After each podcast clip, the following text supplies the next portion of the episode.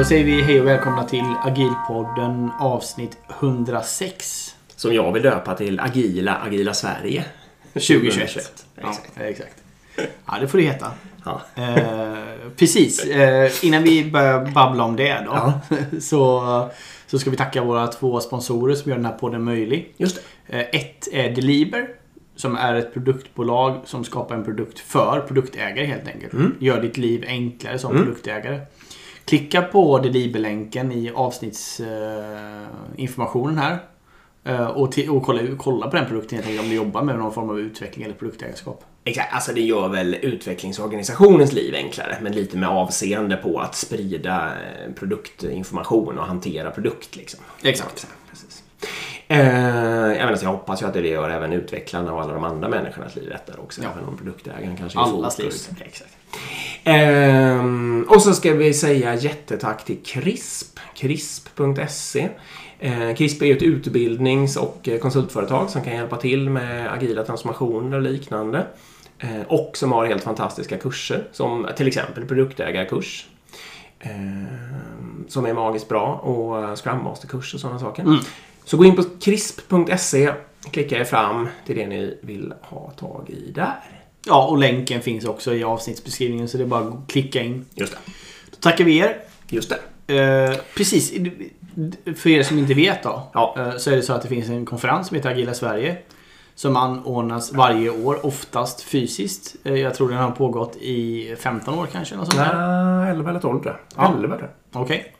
Mellan 10 till 15 år. Ehm, tyvärr även i år digital. eh, på grund av covid då. Mm. Men eh, nästa år så tror jag den blir fysisk. Eller den blir fysisk till våren tror jag. Om det inte händer något konstigt med pandemin så ska den bli det. Ja, exakt. Men vi var med i år digitalt. Eh, vi pratade själva och Mm. framförallt var vi där och lyssnade och lära oss och sådär. Så det här blir eh, en li- Alltså det är lite taskigt att kalla den best off. För vi har faktiskt inte sett precis alla tal. Nej. Men vi, vi har sett många av dem. Eh, och vi tänkte nämna lite vad vi har Ja. lärt oss och vad vi har sett och lite sånt där. Det är väl. Alltså det är väl sånt där vi har blivit inspirerade eller tänt till på något sätt eller tycker något och sådär. Eh, så. Plus att ni som inte var på konferensen då, för ni får ju någon Exakt. form av executive summary. Jag ska bara dra hela eh, då. ehm, Agila Sverige består alltså av blixttal. De är Ja. 10 minuter långa. Eh, de avbryts efter, de är verkligen hårt timeboxade. Avbryts efter 10 minuter. De är ganska många. Det måste ju varit en 20-30 blixttal den här gången. Ja. Sen är det Open Space. Det är alltså ett fritt diskussionsforum där man kan man föreslår ett ämne och sen så startar den som föreslog startar ämnet och sen är det fri prata kring den då. då. Nu i digital form kör de även Open Space Roulette och då är det ju att arrangörerna väljer ett ämne och slumpar ut folk Mm, jag var på det också. i grupper. Ja, kul. Det var inte jag. Jag har varit det förut men jag var inte det nu. Mm. Eh, och sen hade de också en liten myshörna som inte hette så. Ehm, där de hade gäster och grejer och stream, Mm. livestreamade. Men den, där, jag kollade aldrig där. Jag var inte med där. Mm. Eh, och den fysiska konferensen liknar i mångt och mycket detta då. Ja, Så exakt. Precis. Så är det. Eh, precis, och vi ska säga det också att eh, alla tal finns på YouTube. Just det. Så det är bara att gå in och titta på dem om man vill, även vårat. Eh, men om man inte orkar det så får man i alla fall sin summering här. Vi ska säga också att det här är en liten tradition. Jag tror vi har gjort det här sedan 2016. Summerat Agila Sverige. Ja, det har vi väl gjort. Ja, jag tror vi har gjort det. har gjort. Så, sen, sen den här, så är det femte året eller något sånt där, fjärde året i alla fall. Vi, vi har summerar. ju inte, du har ju inte alltid varit med. Jag har inte, någon av oss har alltid varit med. Någon av oss. tror jag. Eh, Okej, vilket... eh, ska vi hoppa in eller? Det ska vi göra. Vi ska säga att vår egen prata handlade om teambaserat ledarskap. Ja. Eh, och det finns ett annat avsnitt som, där vi pratar mycket mer om det. Så vi, den tänker vi liksom inte recensera. Men bara så ni Det var väldigt, väldigt bra dock. Det var väldigt bra. eh, så Men mer- än så går vi inte in på på det. YouTube och lyssna den. Det var en bild också. Ehm, mm, ja, annars är det första vi tänker prata om då är lyssnandet. Den bortglömda superkraften av Annika Teleus. Just det. Precis, tesen var ju där egentligen att... eh, eh, att vi måste lyssna mer. Alltså det... det och det, jag kan känna igen det och jag, jag har också tänkt på det här nu när jag har suttit på vissa möten, både på jobbet och utanför jobbet och så vidare, att det är ju ganska lite lyssnande och ganska mycket pratande. Ja. Från alla håll och punkter. Recenserar du dig själv nu eller? Ja, delvis. Men även vissa andra människor. Vad sa du? Jag ska. Ja. Ja.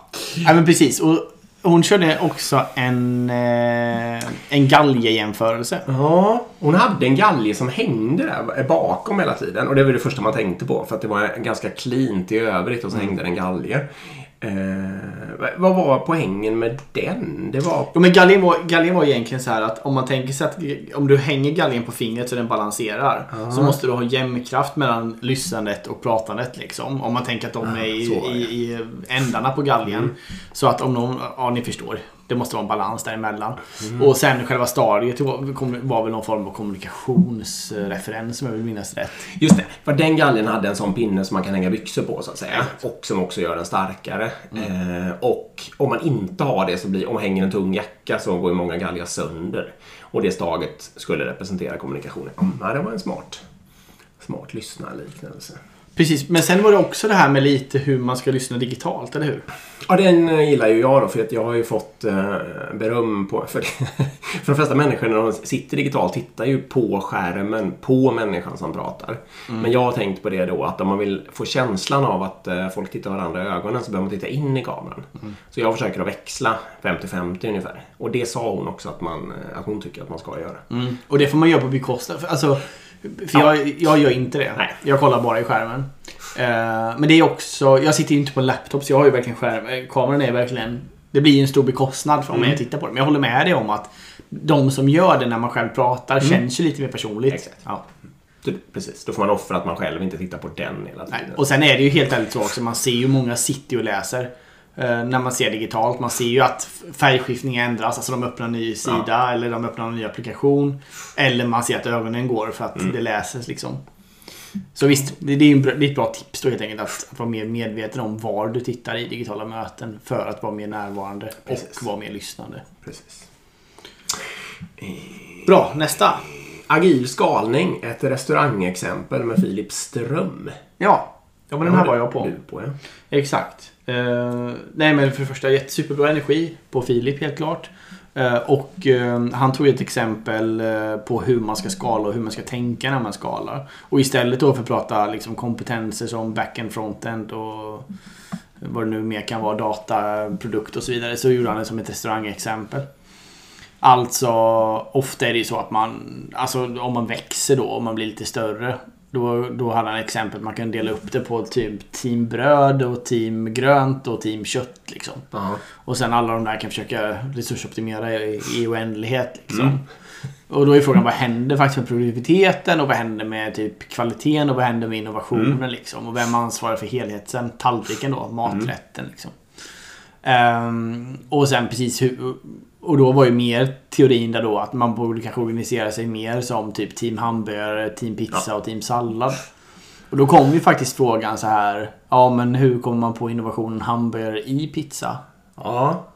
Eh, och det, då menar han, då är ju antagligen sannolikheten större att man gör det om man har de här team hamburgare, team pizza, team sallad. Och sen Ja. så håller man, jobbar man med crossfunktionalitet mellan dem. Ja. Alltså typ att folk byter team mellan dem och så vidare. Då kanske någon som har jobbat i hamburgerstationen kommer till pizzastationen och faktiskt bara men hej. Tänk om vi tar den här kunskapen Mm. och integrerar den här liksom. Och då kan man typ göra sådana.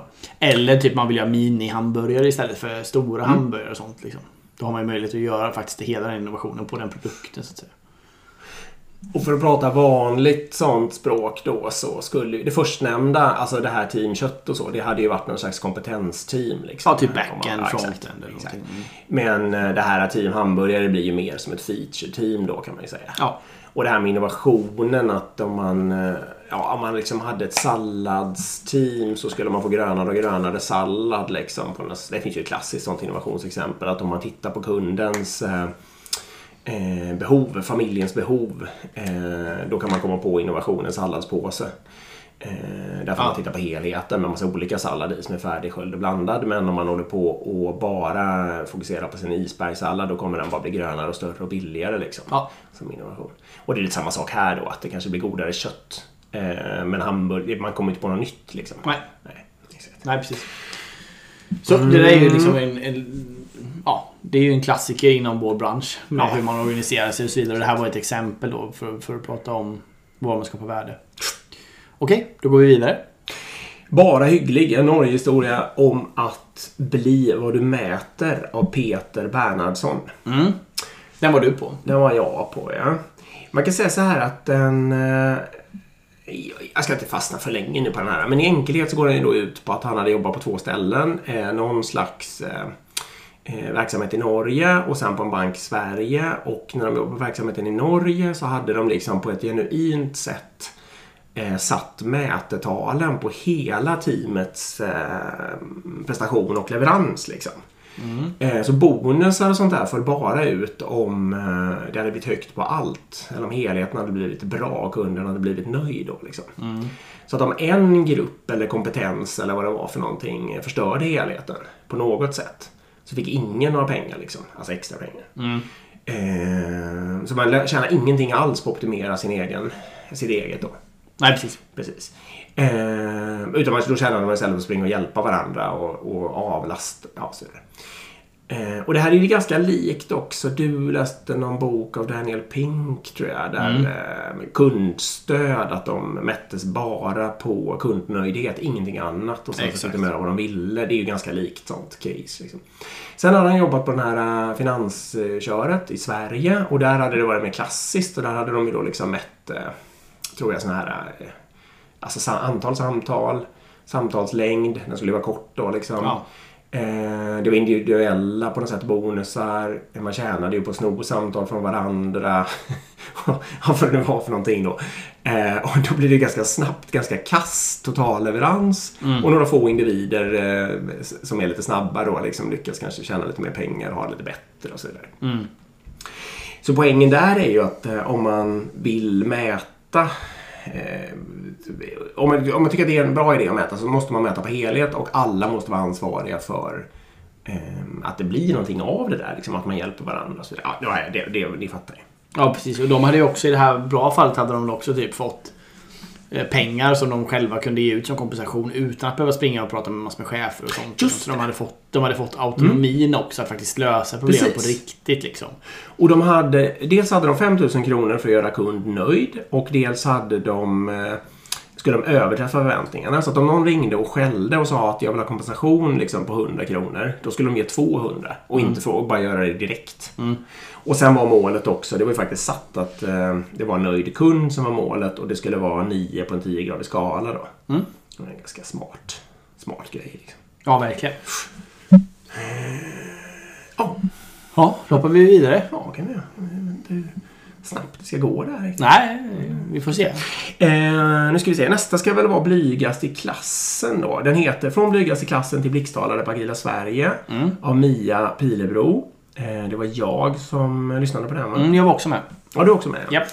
Eh, ja, men, vad ska man säga? Alltså, huvudpoängen som jag tog med mig där är ju att ehm, att hon på riktigt liksom pekade ut att det går att utvecklas på något sätt. Att man inte ska tro... För det, hon var så väldigt blyg i... Um, då när hon gick i... Jag kommer inte ihåg, högstadiet kanske? Eh, Ja, grundskolan på något sätt. Ja, och tyckte det var fruktansvärt att hålla såna här eh, presentationer och sånt där. Men sen så hade hon liksom ändå förstått att det Ja, var prata viktigt. inför folk och Ja. så vidare. Mm. Hon ville utmana sig, hon hade förstått att det var viktigt, hon jobbade väldigt mycket med det och själva huvudpoängen var att då går det liksom att göra det. Och så stod hon ju ändå där och, och erkände att hon tyckte att det var jättejobbigt på många sätt att hon inte ville hålla i något att hon inte ville skaka och sånt där. Ja. Eh, men hon klarade ändå av det hade löst det liksom. ja, jättebra. Ja, Du jag klarade, tyckte- du klarade det fantastiskt Jag bra. tyckte det var fint. Ja, jättefint. Och, och det är väldigt intressant och det kommer vi in lite på det här. Hon pratade också om det med growth versus fixed mindset. Eh, och hur viktigt det är i organisationer att ha det både som chefer men även på medarbetarnivå liksom. Och att det borde man verkligen också kanske undersöka typ vid rekrytering och när man ja, håller på med, med människor överlag. Hur viktigt det är att ha det här growth mindsetet. Att, att liksom våga tro på att alla människor kan utvecklas om man vill och så vidare och om man lägger ner energi på det. Och man kan även göra sådana här saker som att stå och prata inför flera hundra folk fast man tycker att det är jättejobbigt. Eh, och man kanske tycker att det, det här kan jag ju aldrig göra och det här är inte min sak liksom.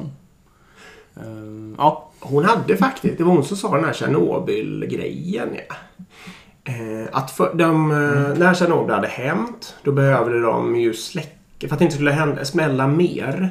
Så var de tvungna att gå in och släcka på något sätt. Och då var de tvungna att komma in i reaktorhallen. Och då var det under vatten och så skulle man leta sig igenom en mörk gång i det här radioaktiva klägget. Det är helt Eh, säkert. och så, inte helt säkert, nej. Och så skulle man då göra någonting där inne, öppna någon port kanske eller vad det var för någonting. Mm. Och då, det första de sa då var att ehm, ja, men, eh, jag behöver frivillig och ni kommer få massa pengar och någon medalj eller något sånt där. Ja. Och det var ingen som var så himla intresserad av det då. Eh, men sen tror jag de på något sätt bytte och förklarade istället att eh, Eh, det, här, det här kommer hända om ingen gör det. Och det kommer påverka så här mycket människor. Det kommer bli en massa radioaktivitet som sprids. Eller liksom Mm. som jag förklarar vad, vad det var för bra. Alltså den yttre motivationsfaktorn. Varför det var viktigt för liksom hela kollektivet då. Och då var det helt plötsligt flera stycken som anmälde sig frivilliga. Och någon eller några gjorde det då. Och det gick bra. De överlevde till och med tror jag. Ja, det verkar så. Och då har man ju ett ja, growth mindset eller man har liksom en yttre eller en, ja, precis, en, en, en inre motivation att eh, göra någonting bra för helheten. Mm. Eh, det var en ganska kraftfull liknelse. Ja, verkligen. Ska vi gå vidare? Det gör vi. Eh, Dirty Applications Ja, med Elsa Westin och eh, David Ahlbeck. just det. Precis. Nej, men det här är intressant ju. Det, det, jag tror själva huvudpoängen är ju att är du medveten om hur mycket energi olika saker tar då liksom. Precis. Alltså i form, energi menar jag nu i form av elkraft, Ja. inte mental energi. Eh, alltså, du, för man konsumerar ju rätt mycket grejer. Appar, olika webbsidor och så vidare. Mm. Och allt det här hostas ju på servrar som står någonstans. Precis. eh, och drivs på något sätt. Liksom. Eh, och det kan ju vara allting då från on-prem till uh, molnlösning och så vidare. Precis. Och är, ett är ju, är du som konsument medveten om hur mycket det här, liksom, hur de här företagen hanterar det. Och nummer två, är du som företag medveten om Mm. hur mycket impact du har och vad du kan göra för det, så att säga. IT som helhet då står för ungefär 5% av världens totala koldioxidutsläpp. Mm. Eh, Och det tror jag är mer än hela flygindustrin då till exempel. Men det är då inklusive alltså hårdvara och sådana där saker också. Just det. Och fokus här för dem, det är precis som du säger då. Det är ju dels att förstå hur mycket el som går åt i alltihopa, men även för den delen hur den elen produceras. För att om man inte gör någonting och inte tänker sig för och bara slänger upp en molntjänst någonstans, i till exempel Amazons moln, då är till exempel sannolikheten hög att det är på Irland och att det är kolkraft som ligger bakom en ganska stor del av den elmixen. Mm. Eh, Men om man då får medvetenhet om det så kan man kan ju styra i till exempel Amazons moln var tjänsten ska exekveras. Så då kan man ju säga att det ska vara i Sverige till exempel. Och då är genast elmixen bättre. Mm. Eh, och så vidare. Och det ville de helt enkelt medvetandegöra eh, alla om. Och de har ett projekt, eller vad ska man säga, en potentiell startup som heter eh, Gaia Generation. Eh, ni kan gå in och lyssna om ni vill veta mer om det. Ja. Men tanken är väl att man kan mäta sina applikationer. Hur mycket Ja. de, vad de har för miljöpåverkan. Det är otroligt eh, relevant och intressant. Är det. Ja, nu ska vi se. Det var Dirty Applications. Varför man kan bli dummare av att vara smart med Anna Odner kommer sen. Ja, den här missar jag. Ja, precis. Och jag ska egentligen bara säga... Det var en sak som jag var lite fascinerad av här då.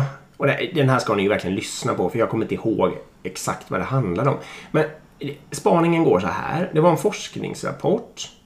Eh, de hade helt enkelt publicerat någon form av eh, rapport med lite lur... Jag vet inte hur det var egentligen. Men på något vis hade, jag, alltså, hade de då bett massa ganska intelligenta människor att läsa den här och eh, ta till sig budskapet. Och det som visar sig då är att människorna har så himla stark confirmation bias. Eh, så att beroende på vad de från början hade för föreställning om världen så får, tar de och får den bekräftad trots att det är motsatsen som står i rapporten. Ja. Och hög IQ, vilket man eventuellt skulle kunna tänka sig skulle kunna vara lönsamt. Eh, alltså att se igenom sådana där saker. Visade sig inte, utan jag tror det visade sig ha omvänd. Alltså, men det blev värre om man, om man var smart så att säga. Vad jobbigt. Ja, det var jobbigt. Exakt. Eh, och det är ju en otroligt intressant eh, liksom, sak att förstå om man är orolig för sitt eget confirmation bias. Alltså att man går runt och hela tiden eh, förstärker sin egen världsbild. Ja. Ja, Ska vi bara ta snabbt vad confirmation bias ja är? det gör det. Det var faktiskt en annan podd vi pratade om det. Så Ja. det är inte säkert att de här lyssnarna... Nej, precis. Eh, nej, men det, det är ju precis vad det låter som, men det är ändå värt att nämna det. Det är ju bara att det, det är väldigt lätt att man skaffa sig en uppfattning och sen söker man information för att verifiera den uppfattningen. Istället för att faktiskt söka riktig fakta. Så till exempel skulle det kunna vara hur Sverige har hanterat eh, covid-situation. Mm. Då är ju liksom ett sätt att göra att ja, men då, då googlar man på om, om man nu tycker att, man, att den är hanterad dåligt till exempel. Då googlar man på varför har Sverige hanterat det så dåligt ungefär. Mm. Lite extremt fall, men ni förstår vad jag menar. Alltså man söker information för att verifiera sin tes liksom. Och sen när man hittar informationen då anser man att ja, men då är det ju så. Det är ju sanningen, det är det som är faktan. Det är det som är eh, faran med confirmation bias. Eller kanske om vi tar ett jobbexempel så skulle det kunna vara att du har en ny idé eller du har en... eh, Du vill göra någonting till chef eller vad det nu du vill promota någon eller vad det kan vara. Och då går du till de som du vet kommer tycka att också det är en bra idé. Istället för att gå till någon som du kanske brukar tycka olika som. Liksom. Jag kan säga att vi har ju kanske confirmation bias kring eh, skalning. Ja, verkligen. Ehm, att vi har, eller i alla fall jag har en stark misstanke att det liksom ofta inte funkar och sådär. Ehm, och det tror jag i och för sig fortfarande, men jag kan ju också se att jag kanske springer runt och letar efter fakta och sånt som, som liksom, eh, stärker min tes. Att jag inte är så benägen att ta till mig sånt Nej. som kanske... Nej. Ehm, eller annat. För att hoppa tillbaka till ditt exempel. Jag kommer än ihåg. Det här måste alltså ha varit våren 2020, ett och ett halvt år sedan. För då var jag så, lite så Anders Tegnell-fan och, och verkligen lyssnade på honom när han sa det här med att eh, det finns ingen forskning som visar att det lönar sig med munskydd och hela det här. Liksom. Eh, och, och, och då minns jag att saker som jag läste och sådär, då läste jag verkligen dem som att ja, men då är ju Sverige på rätt spår. Eh, och det är ju smart att inte hålla på och tjata om munskydd och, så, och, liksom, och leva lite i den här världen. Och så kom du och sa att men det, vi har ju mycket fler case. Eh, och det är väl klart att det hjälper med munskydd, det fattar väl en, en eh, ett barn liksom. typ så här. Och då blev jag ju lite, det lyssnar jag ändå på liksom. Ja. Så då vart jag ju lite ruckad i det där och började, ja ah, okej, får se nu. Han kanske har en poäng här. Ja. Och det var ju confirmation bias som ändå fick fram till det ögonblicket du Mm.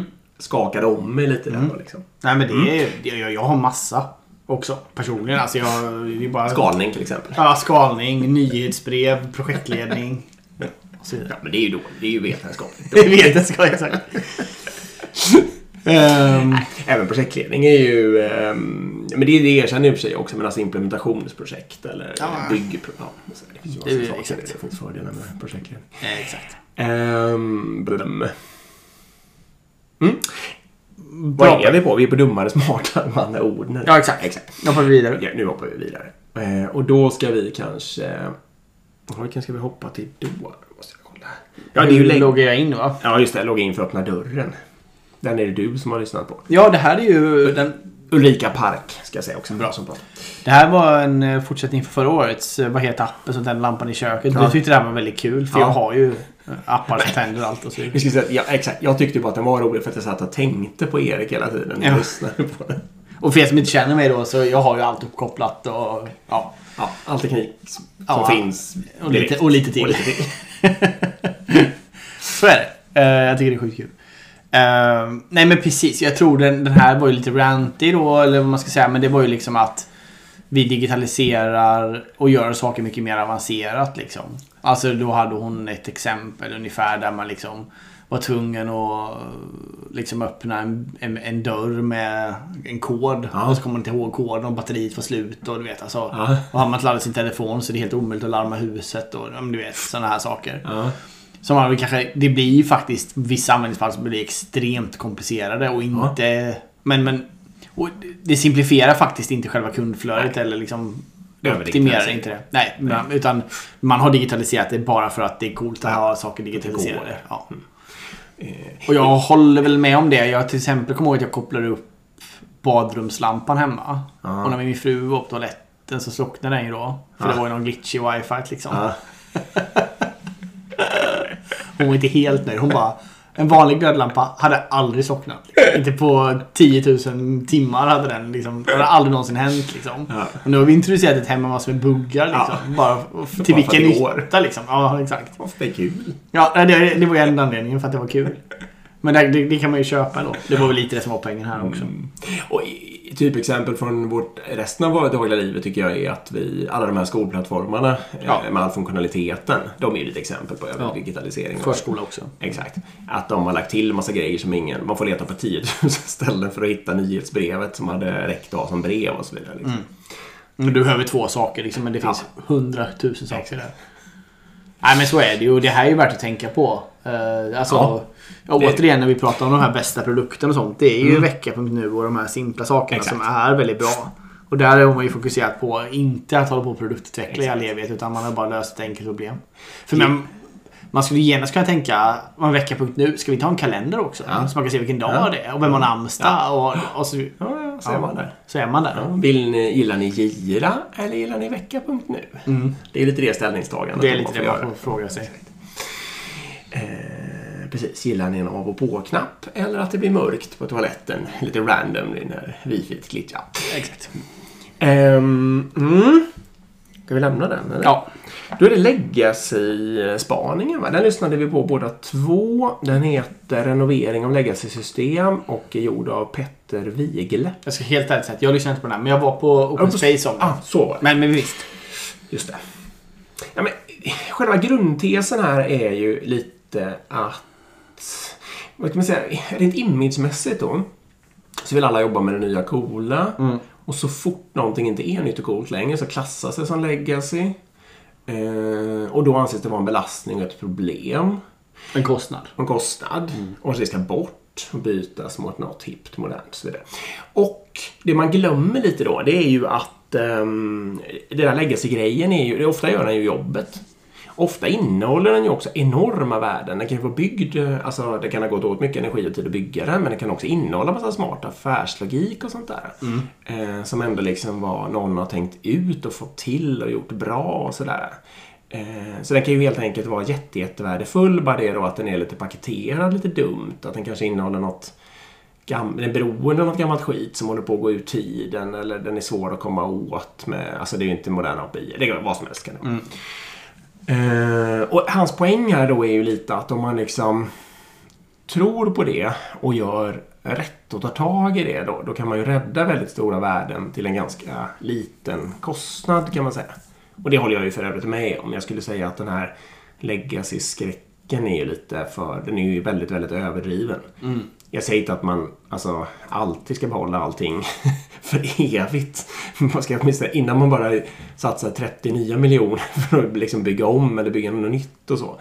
Så ska man tänka på att okej då, om jag lägger 30 miljoner istället på att renovera lite i den här. Då kanske den, eller ligger mycket mindre än 30 miljoner på att renovera den här. Då kanske den istället håller och är superpålitlig liksom i tio år till och sådär. Precis. Och sen har du ju med också hur mycket du behöver ändra det här. För om du inte ändrar ett system så är det också ganska låg risk att det kommer fallera Krångla. och inte funka. Ja. Exakt. Så det var det han som... Jag kommer ihåg att vi pratade om det också. Att det är de delarna man ska fokusera på först. Uh, alltså och de, det här du behöver, på riktigt behöver ändra och uppdatera affärslogiken i. Det, det är kanske den delen du ska försöka bryta ut då. Han, eh, trestegsraket, reglerna här är ju, eller principerna är då, bestäm någon bra tech som du vill till. Kolla beroendet till alla andra saker. Så, så du liksom är medveten om vad som är beroende av vad. Och sen precis som du sa då, börja med det som har, alltså det händer mycket och så byt ut det bara liksom. Bryt loss det och ändra det så att du kan eh, bli snabb där. Och sen är det de vanliga sakerna då. Använd Git, automatisera byggena, automatisera driftsättningen, skapa observerbarhet och så vidare. Refakturera. Visst. Och här eh, på Open Space så pratade vi vidare om det här då. Jag, jag tycker det här är ganska intressant. Ehm, och då pratade vi om vissa olika saker som jag tyckte var bra. En grej var eh, att man måste också ibland bara ge upp vissa saker. Till exempel var det någon som jobbade på en bank. Och då fanns det några liksom, det fanns ett tiotal bolån. eh, eller, ja, jag tror det var bolån. Som hade sådana sinnessjuka villkor för de var från 70-talet eller något sånt där. Eh, och de hade liksom villkor som är helt vansinniga. Alltså du vet, massor med specialvillkor. Som, det är helt omöjligt att bygga in i ett nytt system. Det skulle ta liksom halvår att bygga in Ja. logiken och sånt där. Och då var det ju någon smart människa där som bara att ah, men det är ju värt att bara skänka de här pengarna. Ja, Att ta bort lånen bara. De, det, det handlar kanske om 10 miljoner. Det är värt det liksom. Ni behöver aldrig betala tillbaka. Nej, vi stry- stryker dem bara. Ja. Det är Grattis till er liksom. Ja. Ja. Eh, Det var smart. och de hade gjort så. Ja. Ja, så de insåg liksom att de 10 miljonerna kommer att vara billigare än, de, än att bygga all logiken. För kanske kostar 30 miljoner att bygga Ja. logiken. Och dessutom kommer den aldrig mer användas. Nej. Så det tycker jag också. Man ska inte vara rädd för att bara döda sådana saker. Även om Nej. det kan finnas en kostnad och risk i det så att säga. Och sen var vi också inne på det här att jag tror personligen också på det att det är väldigt, väldigt viktigt att om man nu ska börja bygga ett, ett nytt system för att ersätta ett legacy-system. Att det är samma team som äger det gamla och det nya. Mm. Alltså att inte det här att man vill bryta loss en liten del och så bara men ni får bygga det gamla och sen har vi det gamla. Utan jag tror man ska försöka göra så. Eller i alla fall samma del. Mm. Beroende på hur stort systemet är så kanske det, det går inte med ett team. Men har inte två olika delar av organisationen Nej. utan har det väldigt tätt. Så man får liksom äga det gamla för då kommer man också få motivation för att ta sig till det nya. Exakt. Och så försöka undvika då att någon chef ska gå in och peka in. Du hör till A-laget och Ja. du hör till B-laget. Exakt. Utan hellre då att man ger det som teamuppgift. Och det kan hända att det blir någon form av legacy människor och någon form av... Men då ska, det- ska de själva liksom ha tänkt ut och pratat sig fram till det. Och om absolut ingen vill, då får ju alla dela på allt liksom. Eh, tills det löser sig på något sätt. Ja, ja men precis. Nej. Och sen pratade vi också om det här med... ehm, Jo, vi pratade också om det här med... eh, Men sitter vi inte och skapar legacy-system nu då? Jo, det gör man ju alltid. Ja, precis. Men då, då sa vi lite det här den risken finns ju sådär. Men man borde ju verkligen som organisation investera väldigt, väldigt mycket i att, att ligga nära ny tech. Liksom. Jo. Att man inte bygger något och släpper och så vidare. Det är en grej. Nummer två var ju också det här med att om man faktiskt jobbar mer med mikrotjänster så kommer det ju vara lättare i alla fall att skriva över de här Ja. sen. För problemet med många av de här gamla legacy-systemen är ju att det är super, super monoliter Ja. där all logik är samlat liksom. Ja. Ja. Och det är liksom oändlig kod och oändligt många års Ja. utveckling. Om du har någon form av eh, mikroarkitektur där du faktiskt försöker bryta upp saker i mindre beståndsdelar. Då kommer det också vara lättare att skriva om dem. Både helt och hållet till nya kodspråk eller ny logik. Eller faktiskt hålla efter dem rent techmässigt då. Jag har en fundering, eller jag har en spaning på min egen, eh, alltså det stället där jag jobbar. Och den går ju lite så här då att vi har en liten sjuka att när någonting är framgångsrikt. Ja, det, det här kanske är jättevanligt, jag vet inte. Eh, då tenderar vi att tänka att shit vad bra det här var. Det ska vi använda för att lösa alla världens problem. Eh, och då blir det ju per automatik någon form av legacy För när saker växer sig för stora så eller liksom det antalet i karaktären av legacy då liksom. Det blir trögrörligt, stora beslut, svårt, och, har svårt att få den här fiffiga snabbrörligheten som gjorde att man gillade det från början. Liksom. Så istället Nej, så ska man lösa allt. Och då blir det trögrörligt, långsamt, sämre och sämre. Och sen börjar någon med något annat liksom istället. Och då, Ja. och då var det legacy. Lite precis som du sa du, att om vecka.nu, shit vad bra vecka.nu var. Vi lägger till eh, dagarna, namnsdag och så vidare. Ja. Och ips och ips så är det inte bra längre. Ja, men jag, jag tror de har hur mycket, hur mycket trafik som helst. Så de, de skulle verkligen kunna göra det. Ja, Eh, nej men jag håller med. Och där, om, vi, om vi tar vidare den tanken bara. Där måste man ju börja tänka platt, plattformisering. Det är Ja. det som är själva nyckeln där. Eh, att istället för att bara oj nu har vi en applikation som faktiskt är uppskattad och, här, och nu bygger vi in allt här i och man ska göra det, det, det. Det är mycket bättre då att bygga en, någon form av plattform där det finns olika ingångspunkter liksom, för att hålla isär det tekniskt. och det är klart att man kan lägga dit, om jag, om inte den redan finns då, men om jag tar namnsdag.nu, eh, då stör ju inte det vecka.nu. Nej. Vill någon så kan de använda båda, men det måste man inte göra. Och namnsdag.nu funkar ju bra som en självstående grej liksom. Ja. Och samma, ja. Och i det här fallet så skulle du kunna, i värsta, om det här skulle bli nu 70 produkter.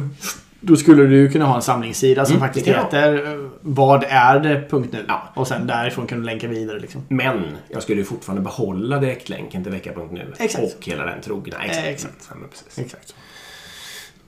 Det här kan ni översätta på andra grejer. Vecka.nu kanske. Ja, men det är ett bra exempel. Det är så briljant. Ja. Eh, nu ska vi se. Det var eh, lägga sig. Då ska vi ta den här eh, kanske eh, mäta. Att mäta modern agilitet typ av Niklas Fager Enrell. ja. Den här var jag på. Ja, Och vi var även på en open space om det. just det. Eh, det, det finns ju... Det här är både bra och dåligt. Eh, jag tror så här. Vissa grejer är väldigt bra att mäta. Eh, det, finns, det finns en fara när man skalar upp mätning över en organisation. Mm. Eh, Ja, herregud, ja det gör det verkligen. Ja. För, menar, om, till exempel, bra grejer då. Psykologisk säkerhet. Ja, det är ganska smart att mäta det. På team. Eh, och det är ganska smart att jobba med För- det i team. Teamets egen skull. Exakt, för precis. teamets Teamet egen skull. För teamets egen skull. Och eh, det gjorde de i det här fallet, vilket är bra. Liksom. De har gjorde även sådana här typ scored health checks där man mäter olika saker. Hur nöjda ingenjörerna är med hur snabbt det går att deploya, hur lätt det jobba med teknisk Alltså allt det här. Ehm, och, och det, psykologisk säkerhet, om vi går tillbaka går till det exemplet då. Att det, det är ju smart att jobba med det för man vet att desto bättre det är, desto bättre blir teamet och desto lättare är det att bli högpresterande. Eh, det farliga när man aggregerar all den här informationen in till någon form av dashboard. Då är det ju, det kan ju se bra ut för chefer och det är lätt att få en överblicksbild och sånt. Ja. Men det blir ju också väldigt, väldigt lätt att man börjar jämföra. Ja. Och du ska ju inte jämföra de här grejerna. För Nej. allt det här är ju relativa värden för skådisen, eller för teamen själva liksom. Det är någon slags lokala valutor Ja, skulle jag vilja påstå. Så du jämför rubel Ja, mot. US-dollar mot Exakt. Mm. kronor liksom. Exakt. Och det där kan man ju då hävda att nej men det gör vi inte. Men så fort du sätter det i en dashboard så du kommer ha folk som tolkar det så. Och så kommer du ha folk som pekar på team och säger men varför har de här så låg psykologisk säkerhet? Och så vidare. Fast de kanske har den bästa för de vågar faktiskt svara på riktigt och sånt där. Um, ehm, så, så visst, det, det, ja, det finns en fara med det här, helt klart. Och sen måste man ju också gå till den här frågan varför vill vi mäta de här sakerna? Uh, och varför vill vi göra det på någon organisationsnivå liksom? Eh, och så får man också tänka lite, vem är det som har efterfrågat de här siffrorna? Är det teamen som vill ha de här siffrorna för att förbättra sig själva? Ja, troligen inte. va? Nej, men det är väldigt bra om det är så. Ja. Mest troligen är det ju chefslagarna som vill ha Ja. det. Cheferna vill ha siffror och sådär för inför man det. Ja. Då, då måste man vara fundersam på... Alltså en väldigt, väldigt bra grej att mäta hade ju varit, är ni nöjda med att mäta allt det här? Och skicka ut det till er organisation. Ja eller nej? Ja, ja, precis. Jag är ganska övertygad om att det ska vara ma- majoritet på nej där. Eh, faktiskt. Lite hemskt nog. Men återigen, med det sagt så säger jag inte att det är dåligt att mäta. Men, men sen så finns det ju vissa sådana här risker då. För två exempel här som de faktiskt mätte som jag reagerade lite på som vi också pratade om i Open Spacer var till exempel hur många buggar har vi i produktion? Och hur många releaser gör vi? Eller om det var hur många features vi har. Nej, hur många features har vi i varje release Ja. var det till och med. Och då är det ju så här, okej, då måste man ju ifrågasätta sig. Om vi tar en av dem, vi tar features per release till exempel. Då måste man ju ifrågasätta sig, är det bra att ha många features per release eller är det bra att ha få? För då, utvecklarna på vecka.nu så tror jag att det är ganska dåligt att ha många features. Exakt. Och, vi bara Och blir, och blir produkten sämre eller bättre av fler features liksom? Exakt. På vecka.nu blir den garanterat sämre, det vågar jag lova. Ja, men precis. Det, är, det är lite vi kommer tillbaka till det exemplet där. Och då är det farliga att nej, men vi har bara det som ett mätvärde. Ja, men vad driver det för beteende? Liksom, det måste man fundera på. Det här är hur lätt som helst att gamea sönder. För det är ju bara att ta en, en pull request och göra den mindre och, och, och, och releasa den fyra gånger istället. Liksom, eller hur man nu mäter det. Och, och du kommer börja få sånt beteende. Jag är ganska övertygad om att du får vad du mäter. Eh, och samma sak med, med buggar i produktion. Är det bra eller dåligt? Ja, många kanske då hävdar att äh, men det är dåligt att ha buggar i produktion. Ja, samtidigt vill du sitta och överingenjöra någonting i all evighet bara för att det ska ha en perfekt kvalitet? Eller vill du faktiskt våga kasta ut experiment och få buggar för att lära dig saker? Mm. Eh, Där finns det ju heller inte, vill du ha en hög, vill du ha en låg siffra? Nej. Varför ska du mäta det? Eh, Så ja, vissa av de här grejerna för att mäta, eh, absolut. Vissa grejer absolut inte. Eh, det som var snyggt i det här var ju att det var en, kopplad till, det var en koppling till Modern Agile och de fyra olika principerna som finns. Då, att man ville mäta de här fyra olika principerna. Eh, Men jag tror att jag lutar mer åt att det här är något som chefer gillar och det här är för chefernas skull primärt. Eh, Och jag tror att teamen kanske skulle vara bättre av att inte aggregera det och att ha helt situationsanpassade mätvärden. Alltså inte hålla på och köra samma mätvärden över hela organisationen och sånt där. Vad tycker du? Nu pratar jag Nej, jättelänge. Ja, jag tycker så mycket så jag har gjort en lång jävla lista. Jag vet inte. det står fem saker. Ja, bra. Kör. Ska jag ta, jag tar dem uppifrån bara. Det är den ordningen jag råkar tänka på. Ehm, nej, men eh, jag ska lägga till att jag tycker faktiskt att det är okej att eh, mäta, aggregera, hålla på. Så länge man kan göra det i hemlighet. Och då menar jag så här att om du på något vis kan samla in massa piffig information Eh, utan att du stör någon med det. Alltså jag menar inte hemlighet som att du sen ska liksom eh, använda det till lönerevisionen eller något sånt där. Utan alltså hemlighet som att du ska öka din egen förståelse för din egen organisation. Eh, om du klarar av att göra det helt hemligt och bara använder det för att öka förståelsen. Då kan du verkligen göra det. Eh, för då förstör ingen annans beteende. Nej, verkligen. Det är min första en spaning. Sen en annan spaning om man vill förstå det här med varför det är en dålig idé. Då kan man tänka på till exempel story points. Det är ju många som har det som våt dröm att jag ska börja aggregera det. Liksom, att vi ska göra det, på det företaget där jag jobbar. Eh, och hur mycket story points gör olika. Så där. Och då tycker jag att det är lite så här som att säga att eh, eh, hur i hela världen kommer det sig att ni här, ni tjänar ju bara tusen svenska kronor Nej, nej, förlåt. Så här, så här. Ni, hur kan ni bara tjäna 500 US-dollar när den här delen av företaget, de tjänar ju 1000 svenska kronor. Eh, och så säger man det liksom. Och det är precis lika dumt. Mm. För, för det är precis, exakt så att de, de, de, du har ingen aning om att det Eller nu, nu vet ju alla vi som lyssnar och jag som pratar att det är olika växelkurser på de här. Det är därför jag tar det som exempel. Mm. Men det är precis lika dumt. Det är bara det att växelkursen är okänd. Och det kan mycket väl vara så att de där 500 story pointsen eller eh, psychological safety-poängen eller vad det nu må vara. Att de i själva verket är värda ungefär 5000 svenska kronor. Liksom. Och att det är fem gånger mer än de som tjänade 1000 kronor. Mm. Ja, ni fattar poängen. Jag ska inte, ska inte ta hem den. in. Nej, jag ska hamra in den. Sen, en annan grej som jag tycker är okej. Det är också att be alla team att mäta en viss grej. Om man, Mm. om man tycker att... Om man liksom vill, Psykologisk säkerhet Ja, till exempel. det kan man göra. Det tycker jag är okej. Men då får man inte sen... eh, Och sen kan man gå för vad har ni? Hur har ni gjort? Vad har ni för psykologisk säkerhet här? Och hur har ni gjort? Alltså allt sånt är till. Vad ni lärt er och så Men absolut inte börja fråga, alltså, säga jag hörde att grannarna de hade ju 2,7. Nej. Liksom. Nej, precis. Där man måste stanna innan det. Eh, jag kommer ihåg att Henrik Kniberg hade ju en rolig prata om Minecraft och 5000 buggar. Är det bra eller dåligt? Jag ska bara säga det också, att det är också ett bra exempel på att de då liksom hade gjort ställningstagandet att vi vill ha in och få allting rapporterat och ha en buggdatabas. Liksom. Men det betyder inte att vi ska fixa alla de här 5000 eller hur många det nu var. Liksom. Eh, Så buggar kan man verkligen inte tänka att det alltid är bra att ha så få som möjligt. Det är inte alls säkert att det blir Nej, den roligaste eller bästa produkten. Liksom. Många gånger tvärtom. Och min sista poäng här är också, jag tycker också att det är, det är okej att mäta på en hel organisation. Jag mäter ju saker på, min organisation är ju 200 drygt människor. Och jag mäter ju saker på, alltså arbetsglädje till exempel. Men då håller jag ju inte på och ber alla teamen och, och pyssla med det. Då gör jag ju det som en mentor när jag ändå har alla människor samlade. Så alla fyller i vid samma tillfälle, samma mätning. Det kan man ju göra, för då kan jag ju se liksom, är det kul att jobba i min organisation eller inte? Och det tycker jag verkligen att man får, liksom, att det är smart att göra det också. Nu har jag inga mer. Nej, bra. Nej, men gå in och lyssna på det. Det finns mycket saker och, och det är väldigt intressant och eh, man kan absolut lära sig saker. Och jag tycker också återigen att det är snyggt att man kopplar det till någonting. Så det är inte taget i luften där liksom. Nej, verkligen. Eh, sista. Going back to the office means going crazy av Gitte Klittgard. Ja, det missar jag. Eh, precis, jag ska inte fastna för länge på den här. Den, den, jag tycker att hennes huvudpoäng är då lite att eh, om man ska tillbaka till kontoret, man ska inte bara tro liksom att allt, att, det, att man har kvar alla fördelar när man jobbar hemma eller att man kan bete sig som när man var hemma. Man får förstå att det är andra saker. För jag kommer ihåg när vi flyttade hem liksom. Då kunde de ju trötta ut sig på det här viset att man inte tog några raster och att mötena låg kant kant allt den här digitala hypereffektiviteten. Nu gäller det ju då kanske att förstå att man kan ha en social hypereffektivitet om det passar sig. Så man hela tiden pratar med någon eh, liksom är totalt översocial hela dagen. Och trött, ja. Så då gäller det istället att fatta det att okej, nu har jag fri tillgång kanske ish till massor av människor men jag måste kanske fortfarande då fråga Får jag prata med dig? Vill du gå och fika?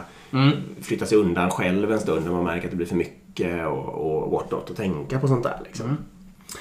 Eh, och sen så tycker hon ju så här man kan meditera och träna och gå ut i solen och så. Det kan man göra hemma också.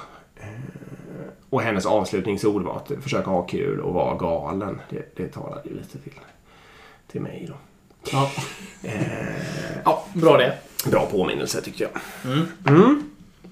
Ska vi, har vi någon, eh, någon sammanfattande ord på Agila Sveriges digitala höstkonferens? Nej, men jag tror, 2021? eh, om vi återgår till vårt ämne där, vi pratade om... Eh, vi pratade om teambaserat ledarskap och att nu när många organisationer då blir team, teambaserad istället. Att man kanske måste tänka på hur man använder sitt ledarskap. Mm. Och det här gjorde vi en Open Space på. Mm. Jag, jag vet inte hur många det var som kom. Men det var en del. många. Ja, men det var 30-40 pers. Ja, något sånt där. Ehm, och eh, precis för det vi pratade om var att man kanske måste tänka om som chef då. Att man gör utvecklingsplan på ett annat sätt. Man kanske gör eh, one-on-one eller avstämning på ett annat sätt. Och, och man, man måste liksom tänka om lite. Och då gjorde vi första handuppräckningen bara. Hur många här är chefer? Just det. Det var noll. Det var noll. Eller det var två då, så att säga. Om man räknar oss själva. Ja, precis. Ja. Men det, det var alltså noll chefer som kom ändå och pratade om teambaserat ledarskap. Ja. Och då sa vi väl det, det är väl det här som är problemet. ja.